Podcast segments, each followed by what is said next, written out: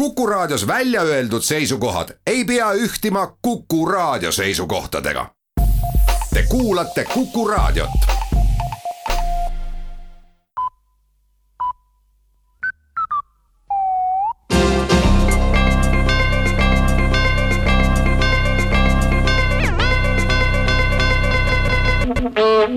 tere kuulama, uudised eetris ja stuudios Rohke Tõelak homme kell kaksteist päeval toimub Tallinnas Vabaduse platsil Eesti esimene kõigevastaste protestimeeleavaldus. korraldajate sõnul on moodustatud ka Eesti kõigevastaste liit, et ühendada endas inimesi, kes alati on vastu, kui midagi toimub või ei toimu seni on tulnud iga kord eraldi välja tulla, et millegi vastu konkreetselt olla ja see on väsitav ja hakkab vastu. on vaja teha erinevaid plakateid ja välja mõelda erinevaid hüüdlauseid, kuna meeleavaldajad on eranditult kõige vastu ja ka plaanitav meeleavaldus käib sinna hulka, siis on sündmus õnnestunud, kui kohal ei ole mitte kedagi, märgib korraldustoimkond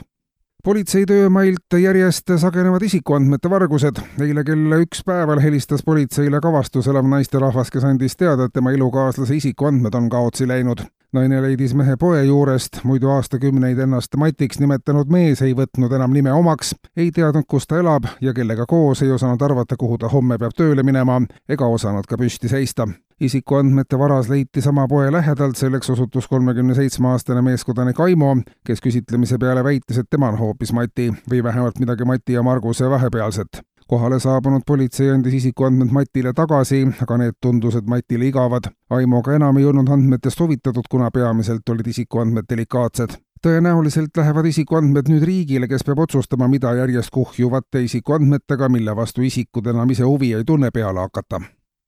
ja energeetikast valitsus otsustas muuta energeetikaseaduse mitmeid sätteid, mis puudutavad tuuleparkide rajamist Eestisse. samas on valminud ka Eesti energeetika arendamise kava lähemaks kuuekümneks aastaks, mis näeb ette suurema osa riigi territooriumi katmise tuuleparkidega. ühtekokku paigaldatakse Eestisse lähema kümne aasta jooksul kolmsada tuhat tuulikut, mis on piisav võimsus, et Eestil on võimalik hakata tuult müüma. tuulikud käivitatakse põlevkivienergia baasil toodetud elektriga ja kõik tuulikud korraga töötades tekitavad tugeva tuule, mille liikumist on tuulikute tsentraalselt juhitud suunamisega võimalik omakorda suunata tuule klientidele kas Soome, Rootsi või lõunanaabrite juurde, samuti vajadusel Venemaale, kus siis saab Eestis toodetud tuulega käivitada oma tuulegeneraatorid ja nii elektrit toota. Valitsuse sõnul võib kogu Eesti katmine tuulikutega tekitada küll inimestes esialgu võõristust, ent selge kasu kaalub esteetilise külje üles piisav arv tuulikuid näiteks on ka julgeolekugarant ja võimaldab Eestil ka tulevikus kõikide tuulikute üheaegsel käivitamisel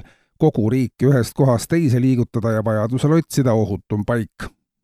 ja Siseministeerium ja Kaitseministeerium on kokku leppinud riigi välis- ja sisejulgeoleku ühises tagamises. pikki aastaid on politsei eelarvet kokku tõmmatud, kuid optimeerida annab siiski veel. valitsuse sõnul ei ole riigi välis- ja sisejulgeolekut võimalik eristada ja kogu julgeoleku ühtsena nägemine paneb ka armee ja politsei ühtsemana tegutsema uus järgmisel aastal rakenduv korrakaitsesüsteem näebki ette, et kui sündmuskohale pole võimalik saata politseipatrulli, siis saadab häirekeskus peretüli, öörahu rikkumist või tänavaröövi lahendama vajadusel NATO hävitajad, mis peaks olema kurjategijatele ja seaduserikkujatele isegi suurem heidutusjõud kui politseipatrull. kuulsite uudiseid